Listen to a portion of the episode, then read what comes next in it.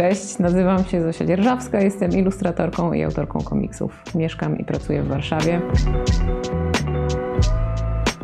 Wykształcenie zdobywałam w Warszawie, studiowałam porównawczo filologię angielską i hiszpańską. Z powodów osobistych e, znalazłam się w Mediolanie w jakimś momencie, gdzie znalazłam szkołę podyplomową z ilustracji. Szkoła nazywała się Mi Master e, i e, była skierowana właściwie do wszystkich. Zbierała ludzi po różnych kierunkach z różnymi doświadczeniami życiowymi. Dalej było tak, że e, dosyć nieoczekiwanie dla siebie zostałam zawodową ilustratorką, czego się e, zupełnie nie spodziewałam. Natomiast dzięki przygotowaniu szkolnemu oraz dzięki temu, że szkoła zapewniała bardzo dużo kontaktów zawodowych, dosyć szybko zaczęłam dostawać zlecenia e, już na rynku wydawniczym włoskim. Najważniejszą sprawą właściwie po zakończeniu szkoły było to, że z dziesięcioma innymi osobami z grupy, w której pracowaliśmy, wynajęliśmy wspólną przestrzeń na południu Mediolanu. E, nazwaliśmy ją Studio Armadillo.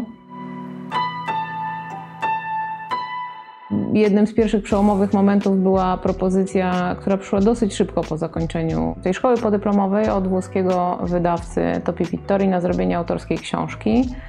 To było rzucenie od razu na głęboką wodę, bo y, dostałam właściwie pełną swobodę artystyczną i y, czas i zaliczkę na przygotowanie, napisanie i narysowanie własnej książki, posiadając niewielkie doświadczenie opowieści na dobranoc dla młodych buntowniczek.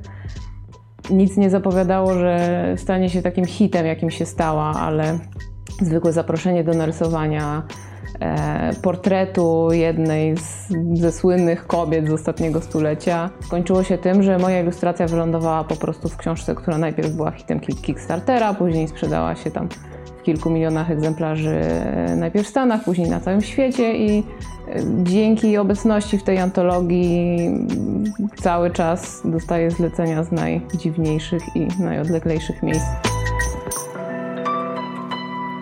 Jeśli chodzi o zdobywanie klientów i nowych zleceń, to na pewno na początku kariery tutaj było dużo więcej strategii budowania portfolio i mojego aktywnego odzywania się e, do różnych wydawców, z którymi chciałabym pracować.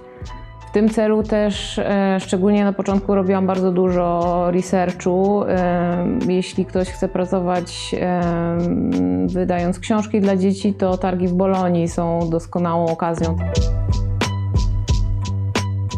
Targi w Bolonii to jest właśnie taki świat w pigułce, gdzie można po pierwsze e, znaleźć e, swój rewir, że tak powiem, a po drugie spotkać się twarzą twarz bezpośrednio z, z osobami, które takie książki wydają. Więc na pewno na początku bardzo dużo e, spotykałam się z wydawcami właśnie na targach w Bolonii, żeby zobaczyć, z kim będzie mi się dobrze rozmawiało i ostatecznie gdzie moje prace czy mój styl ilustracji najlepiej pasuje.